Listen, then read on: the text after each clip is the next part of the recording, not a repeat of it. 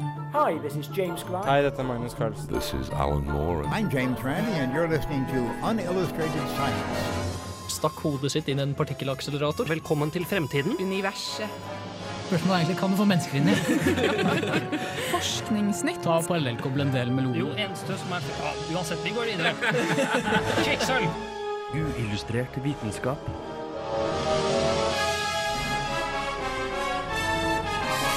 Science, it works, bitches. I denne ukas Uillustrert vitenskap snakker vi om dyrerikets forskjellige typer blodfarge, kommunikasjon direkte mellom to personers hjerner og eter i verdensrommet. Ja, Hei sann og velkommen til dagens sending av Uillustrert vitenskap. Jeg er Andreas Haugland, og med meg i studio har jeg i dag Gaute God dag. og Øyvind. Hei, hei. Ja, har du noe morsomt på hjertet i dag? Ja, jeg har en fun fact, vet du.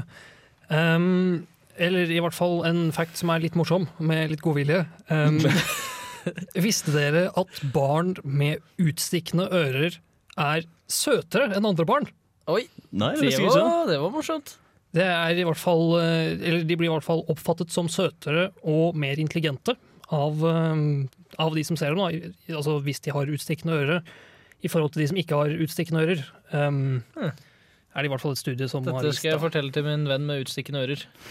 Og Med den kunnskapen her så kommer du ut, uten tvil til å bli uh, midtpunkt, for å si det sånn. Ja, og vi har jo en, en fakta til, eh, som er for så vidt mye morsommere, i hvert fall for oss. Eh, og den er også morsom for deg hvis du er en fast lytter som hører oss på podkast. For nå er vi nemlig live på DAB Ja, i Trondheimsområdet. første livesending på DAB. Så hvis du hører på oss på DAB, velkommen. Eh, og hvis du er podkastlytter i Trondheimsområdet, så kan du jo sjekke oss ut eh, på DAB-radioen din også. Mm Og hvis du ikke er DAB-lytter, velkommen da òg, for så vidt. Ja, For da hører du mest sannsynlig på streamen eller på en podkast. Første låten ut i dag det er 14 av Broen, og den kommer nå.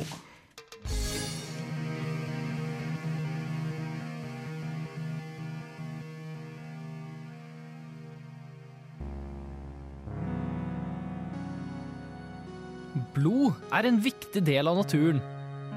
Det frakter både oksygen og varme, og ikke bare hadde livet vært ganske vanskelig uten blod, men det hadde også vært utrolig flaut ettersom alle andre har det. Og med det mener jeg altså alle andre dyr. Bortsett fra noen sære få, som eksempel rund- og flatormer, maneter og svamper. Men de har jo aldri vært en del av de kule kara. Men selv om nesten alle dyr har blodomløp, så er det ikke nødvendigvis sånn at alt blod er rødt. Nei, faktisk. Det finnes annet blå, grønne og fiolette utgaver også. Fargen avhenger av hva slags molekyler som er brukt som oksygenbærer i organismen, men i noen sjeldne tilfeller kan det også bestemmes av høye konsentrasjoner av andre stoffer i blodet. Dette er f.eks.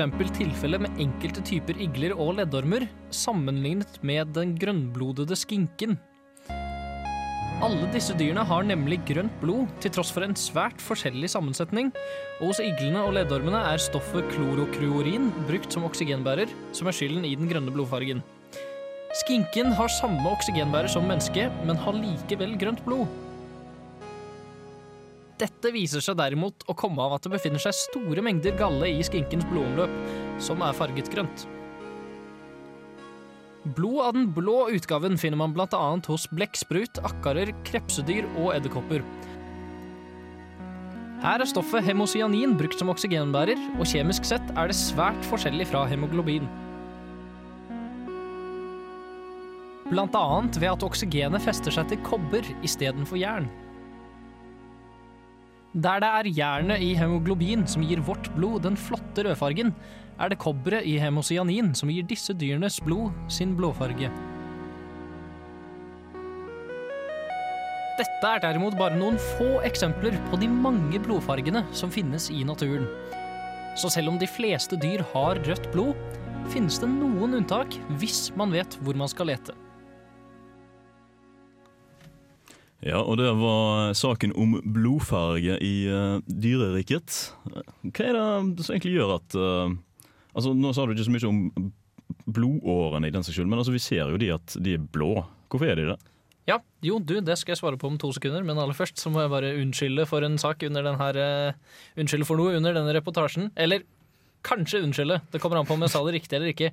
For jeg snakket om disse her skinkene, eller Men da kjente jeg ble veldig usikker da jeg leste om dem. For det er en sånn type øgle, eller hva man kaller det på norsk. En, en øgle, ja. Eh, men jeg er usikker på om man, man kaller det for skinker eller skinker. Men jeg syns at skinker ble veldig Å snakke om blodomløpet i skinker ble veldig rart. Så jeg bare kalte det for skinker. Det høres jo litt bedre ut enn å begynne å snakke om eh, at eh, krydderskinken har litt mer grønnfarget blomløp blodomløp pga. store mengder basilikum og oregano. Ja, så da, vi, da har vi bare det på plass. At, eh, da skjønner folk hva vi snakker om her. Men jo, det her med hvorfor blodårene er blå når blodet er rødt. Og det har seg faktisk sånn at eh, blodårene er ikke blå. De er faktisk eh, litt mer sånn hvite.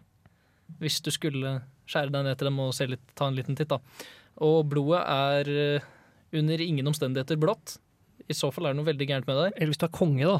Nei, da er det heller ikke blått. Det er ikke blått der heller, nei. Jeg, Oi, jeg oi, kunne naturligvis snakke om den myten, men jeg har, jeg har jo faktisk veldig mye spennende jeg tenkte å bygge ut om eh, her. Men eh, det som skjer med blod når det har lite oksygen i seg, er det at det blir faktisk eh, mørkerødt. Men grunnen til at eh, blodårene ser blå ut, er fordi det bare er blått lys som kommer seg gjennom huden. Så er det bare det som er igjen. Og da er det bare faktisk den blåfargen du ser, da. Altså, det har ikke noe med oksygenmengden i blodet å gjøre. Altså, det er kun Nei. hvilket lys som kommer ned Ja. og tilbake igjen. Det er faktisk så enkelt som det. Ja, nå er jeg litt klokere. Um, men så snakket du om disse skinkene også, da. Uh, og at de hadde galle i blodet. Og hvorfor, uh, hvorfor er, ikke det, er ikke det dumt å ha galle i blodet? Jo, hos eh, mennesker så kan jo det være litt grann farlig. Det er da man får sånn gule øyne og gul hud og alt det der tullet der. Ehm, men eh, man vet ikke helt Man vet ikke helt hvorfor, fordi det er, det er veldig få som har forsket på det. Men man tror at det er for at de skal smake litt grann vondt, sånn at de ikke skal bli spist. At det er en type forsvar. da. Og for å gjøre det vanskeligere for enkelte parasitter å ja, tulle med dem. Hm. Men uh, blekkspruter? Hem Jo. Hemocyanid. Hem- Sy cyanid. Hvorfor Veld, cyanid? veldig nærme. Hemocyanin, faktisk. Cyanin, ja. Ok, Da er jeg litt mer med på det. Uh, men uh, det er ikke så mye cyanid i dem. Det er litt sånn farlige stoffer å flytte inn i blodomløpet. Men uh, man tenker at det, Fordi det her er et veldig annerledes stoff enn eh, hemoglobin. Det, for eksempel så har det, bruker det kobberioner for å feste oksygenet med, For å ta opp oksygen. I- Istedenfor uh, jern så hos eh, mennesket, eller i hemoglobin. Og det er vel fordi det, for det første så tar det opp mer oksygen. Det er plass til flere oksygenatomer. Og for det andre så er det lettere Det, henger ikke Det holder ikke like godt eh, fast på disse oksygenatomene. Ved, som betyr at eh, Ja, hvordan skal jeg si det? Gjerne i kaldere temperaturer så blir det vanskelig for eh, mennesket å eh, frakte oksygen rundt i kroppen. Fordi i kalde temperaturer så holder det her hemoglobinet holder altfor godt på oksygen, oksygenatomene. Men i hemocyanin så holder det ikke like godt, og da kan du gå ned til kaldere temperaturer, kjøligere temperaturer. Ja, da, da vil jeg skyte inn en liten fakta her også, eh, som er viktig å huske på. fordi at eh, vi vil jo gjerne transportere oksygenet i blodet. Og i den transporten så vil vi jo både ta opp og slippe fra oss igjen. Ja, nettopp. Oksygen det, også. er, det er kanskje kjekt å nevne. Ja. så, så du må liksom ha en riktig kombinasjon, sånn at du kan ta opp masse, og samtidig slippe det lett fra deg igjen. Eller i hvert fall lett nok, sånn at du får brukt det. Ja. ikke så faller det jo bare rundt uten å bli brukt. Det er jo litt kjipt. Det er jo helt sant. Er det noen andre fancy farger en finner i blodomløpet til eh, dyr? Ja, du har jo de her eh, minste dusteskapningene, holdt jeg på å si. Sånn bitte små ormer og sånt. De, eh, det er en del av dem som har fiolett blod. Oh. Men det er egentlig mer sånn at de har liksom ikke så mye til blod. Det er bare mer væske som bare flyter rundt i hele organismen. Og grunnen til at det bare er små skapninger, er fordi det de bruker et stoff Jeg husker ikke navnet på det, for å være ærlig, men det er sånn ca. en fjerdedel så effektivt som hemoglobin. da. Så derfor er det bare småskapninger. Fancy. Det var det, og nå kommer neste låt, som er Lean On av Mayo Laser and DJ Snake.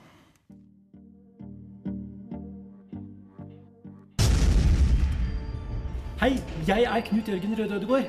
Du hører på Uillustrert, som er eh, like kraftig som en supernova, eller kanskje en hypernova.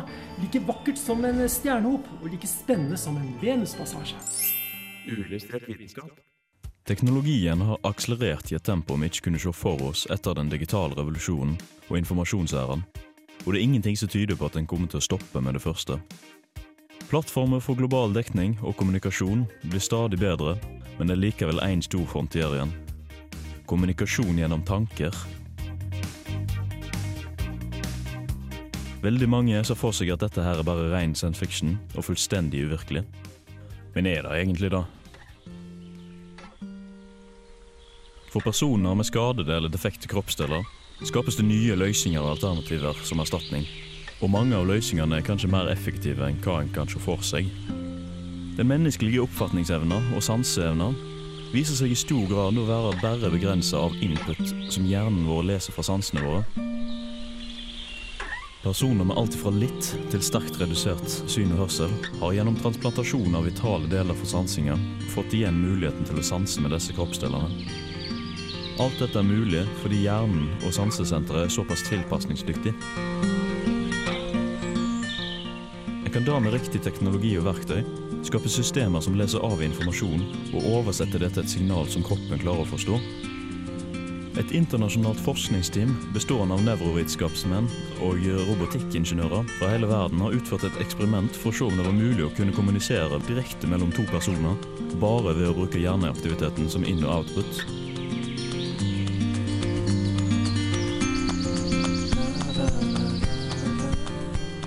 Ved å lese av hjernebølgeaktiviteten med et elektroensfalogram fra et brain computer interface, for så å oversette dette signalet binært og sende det over internett, kan en ta imot signalet over alt der internett finnes. Mer spesifikt hos en mottakerperson, eller et computer brain interface. Hjernen til computer brain interfacet blir da stimulert med en transkranial magnetisme.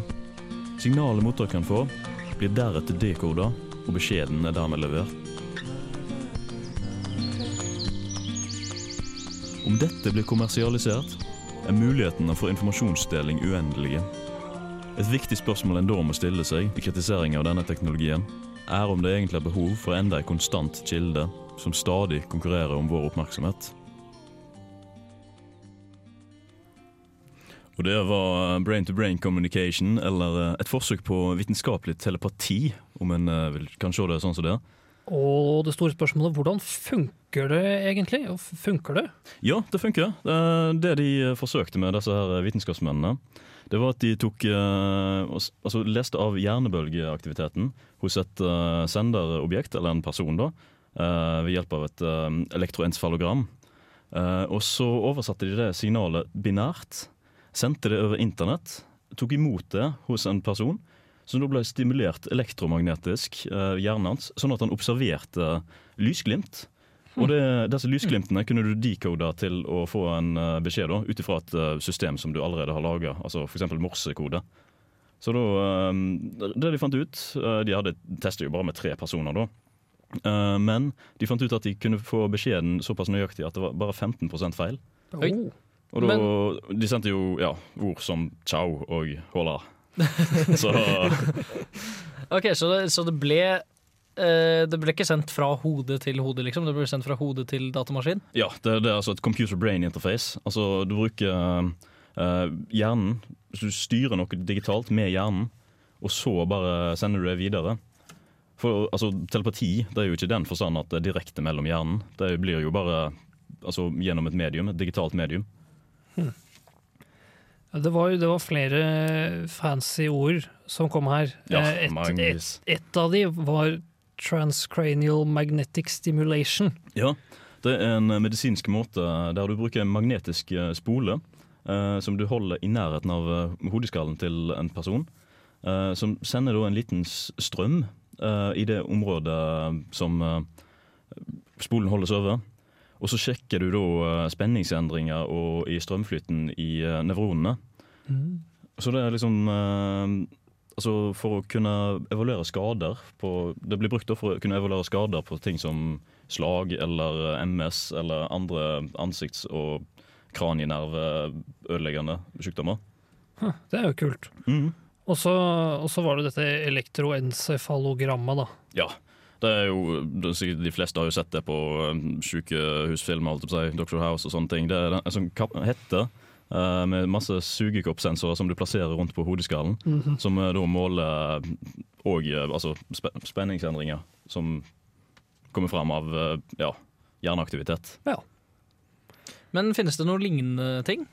Eh, Nei, dette er det første eh, direkte menneske-til-menneske-kommunikasjon-greiene de har laga, sånn som dette her.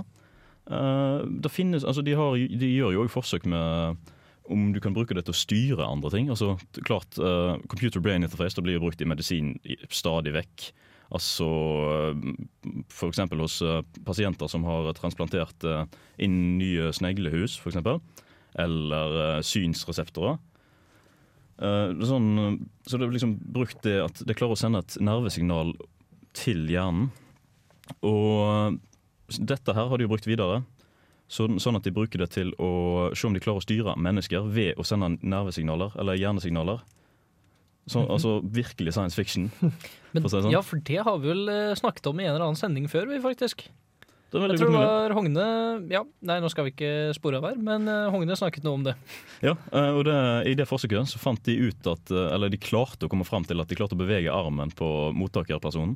For de klarte å stimulere de riktige hjernedelene, sånn at du fikk en muskelflikk eller et eller annet sånt. Og det er jo ganske spennende samtidig som det er veldig skummelt. da Altså at du klar, klarer Slutt å styre et menneske. Slutt å slå deg selv. Absolutt. Men bortsett fra det, eh, selv om det som så klart er veldig kult, hva slags potensial er det vi snakker her? Se for deg eh, informasjonsflyten du kan få hvis det, det blir et såpass kommersialisert eh, produkt. Altså Du har eh, uendelige mengder med informasjon som gir reklame, eh, bare beskjeder, nyheter, medier. Men så er det òg utrolig farlig, fordi du får jo nettopp den konstante flyten av informasjon du kanskje ikke ønsker eller trenger. Det er jo ikke akkurat sånn at eh, mennesker i dag eh, har for lite på tanken, for å si det sånn. Nei, det hadde vært litt irriterende å gå en tur liksom i sola, og så plutselig så får du inn Hi, this is Jonathan from Spotify. Absolutt. Absolutt. ja, helst ikke. Ja. Heldigvis er dette her bare på forskningsstadiet, da, men utrolig spennende uansett. Den neste låten vi skal høre, det er King Kunta av Kendrick Lamer. Du hører på Radio Revolt, studentradioen i Trondheim. Du har kanskje hørt at radio blir sendt gjennom eteren. Eter er et ord som av og til dukker opp i forbindelse med kringkasting, men veldig sjeldent ellers. Så hva er egentlig denne eteren? Eteren var et hypotetisk medium som gjennom tidene har blitt brukt til å forklare hvordan en rekke ting beveger seg i universet. Filosofen Descartes brukte det i et forsøk på å forklare det kopernikanske verdensbildet, der han så for seg at verdensrommet var fylt av en virvlende eter som presset planetene inn i deres baner rundt solen. Når Newton kom med sin gravitasjonslov, som forklarte planetenes baner uten å nevne eteren, ble etermediumet forkastet på dette området. Eteren ble derimot ikke helt borte, for en av Newtons samtidige, Huygens, fremsatte en teori om at lys var eterbølger. Denne teorien fikk støtte fra flere eksperimenter som påviste fenomener hos lys som andre samtidige teorier ikke kunne forklare. Da Faraday gjorde undersøkelser av elektriske og magnetiske fenomener, brukte også han eteren til å forklare sine resultater. Når Maxwell senere viste at lys kunne forklares som et elektromagnetisk fenomen, slik at lyseter og elektromagnetisk eter faktisk var det samme, nådde kanskje etermediumet sin vitenskapelige topp. For heretter førte nemlig nye oppdagelser til flere problemer enn løsninger, og etter at Einstein fremsatte den spesielle relativitetsteorien, så har ikke etermediumet lenger blitt ansett som noen fysisk realitet til tross for å være et urealistisk fenomen med til dels motstridende egenskaper og uten særlig vitenskapelig støtte, så lever altså eteren, eller i hvert fall ordet eter, i beste velgående fortsatt.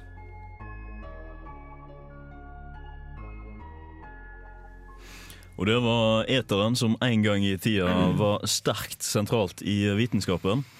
Hvorfor er det sånn at en egentlig snakker om eter fortsatt den dag i dag? Ja, eh, og det enda kanskje større spørsmål, eh, som mange av lytterne kanskje hører på, er det noen som snakker om eter i det hele tatt? Eh, for det er jo kanskje ikke så veldig utbredt begrep, men det brukes da om radiosendinger. Altså det å sende radio over eteren eh, har blitt brukt om f.eks. sendes på FM-båndet eller på DAB. Som vi er på Som vi tilfeldigvis er nå, som Ja, alle må huske bare på. Sånn, ja. Vi er på DAB-radio. Og det har vel eh, altså Jeg har ikke noen sikker kilde på dette, men jeg antar at det er pga. koblingen med, med elektromagnetisk stråling. At man trodde at liksom elektromagnetisk stråling ble sendt gjennom eteren, og radiobølger Ja, ble sendt gjennom eteren. Ja, altså, veldig mulig. Jeg har bare sett for meg at det var liksom en connection mellom eter og eternettkobling, når du sier at du sender, liksom, du sender det gjennom eteren. Ja, Men, men um, når var det man slutta med det her, egentlig? Når var det man forkasta eterteorien? Vet Ja, du noe om det? jeg, jeg nevnte så vidt på slutten her at eh, det var i perioden etter Einstein kom med den spesielle relativitetsteorien, var det vel? Ja, såpass, ja. I 1905, hvis jeg husker riktig. Eh, Så når man da liksom fikk på plass den, og etter hvert kom med en del sånn kvantefysikk og sånn, så, så ga man opp eterteorien totalt, fordi at eh, eh, Altså, den holdt av og til kanskje litt sammen, men det begynte å bli ganske mange problemer med den etter hvert. Akkurat det er veldig ofte sånn med vitenskapelige teorier at eh, du først finner én feil, så finner du veldig mange andre. Ja. Men du må jo ha noe annet for å forklare disse fenomenene, hvis du bare forkaster eteren. Ja, helt riktig. Eh, og det er jo da ehm, gjennom da relativitetsteorier og eh, kvantefysikk, Um, hvor man nå da beskriver de egenskapene som før ble beskrevet ved hjelp av eteren, uh, gjennom rommet og tiden selv, og, og da den energien som finnes i tiden og rommet. Istedenfor å finne på en sånn fancy ekstrasak som alt henger rundt i. Ja, sant. Men så istedenfor eter Nei, istedenfor tid, så hadde du eter, eller hva jeg skal si? Nei, tiden var der fortsatt, men eteren var var liksom en sånn, sånn ekstra ting. Så er det ikke noe sånn at fart kunne uttrykkes som meter per eter? Åh, oh, oh, det var nesten litt morsomt. Uh, men nei, jeg vet ikke om det var noen som prøvde på det. Uh, det er mulig, men jeg, jeg vet ikke. Man prøvde å putte ganske mye annet rart inn i denne eterteorien. Da. Eh, for eksempel så, eh, så prøvde man å, å finne en kobling eh, mellom eh, elektromagnetisk eterteori og hydrodynamikk. Eh, og da, fant man, da fikk man f.eks. noen problemer som at eh, man fant ut at eteren måtte ha en tetthet som var ca. 1012 ganger eh, mer enn vannets tetthet. Samtidig som den ikke måtte yte motstand når himmellegemene beveget seg gjennom den. Jeg ser et par fysikalske problemer med det der. Ja, det, For eksempel det de to du nevnte. jeg tror det var det verden gjorde også, så det er derfor vi ikke ser så mye mer til de her det etertullet. Nei. Nei. Så, så til slutt så hadde den altså så mye rare fysiske egenskaper at man slet med å faktisk ha et ordentlig bilde av hva den fysisk skulle være for noe. Ja. Det var litt grann om eteren. Nå kommer neste låt, som er 'Begin Again' av Purity Ring.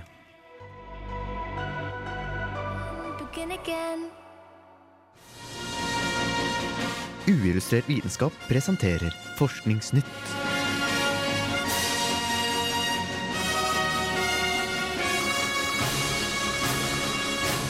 Forskningsnytt. Da er det på tide med litt grann eh, forskningsnytt. Og hva har du oppdaga i verden i dag, Gaute?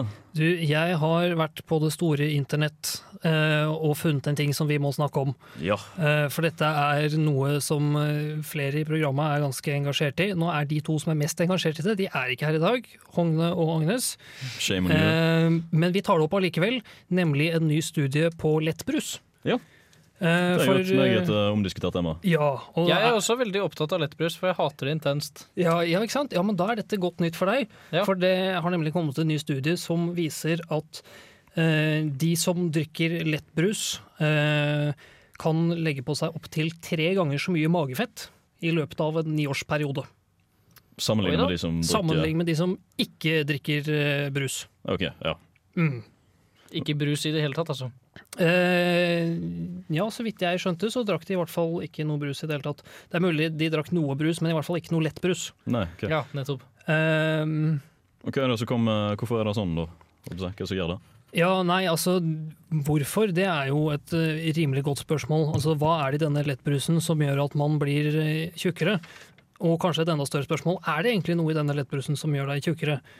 Eller er det sånn at de som drikker lettbrus, er de som til vanlig spiser ganske mye, så for å kompensere for at de spiser mye, så drikker de lettbrus, for det er så mye sunnere? Det var kanskje den mest uh, troverdige beslutningen, egentlig. Tenker ja, jeg, jeg vil også anta at det kanskje er den hovedfaktoren som er inni her. eh, For det er studiet har godt over ni år.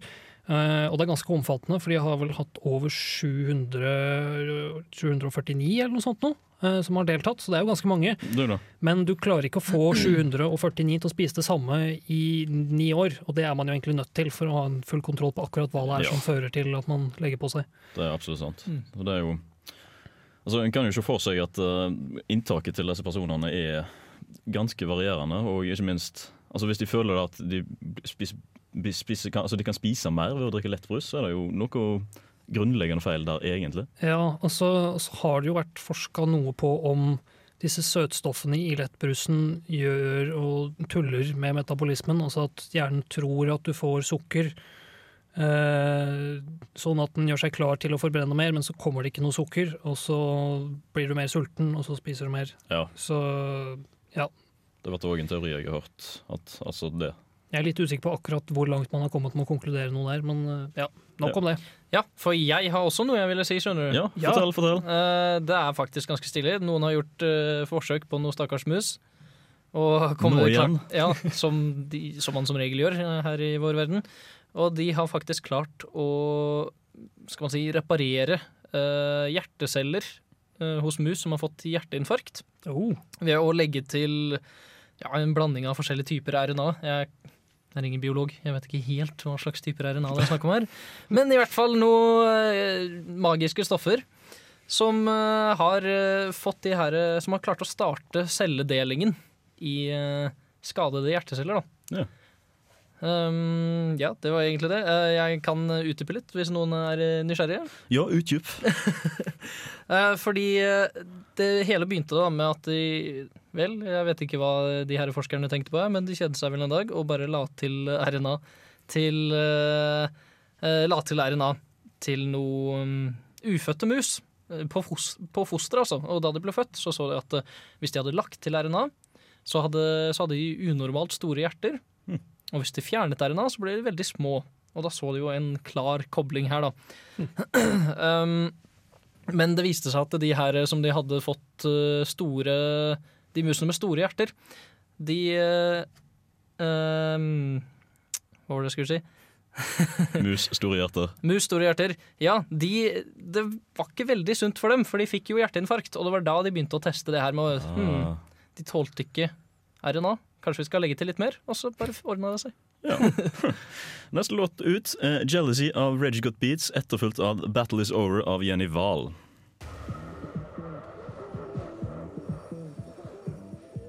Og det var det vi hadde for i dag. Jeg har vært Andreas Haugland, og med meg har jeg hatt eh, Gaute. Ha det bra. Og Øyvind. Jeg vil òg takke vår eh, tekniker Fredrik for en glimrende jobb i dag.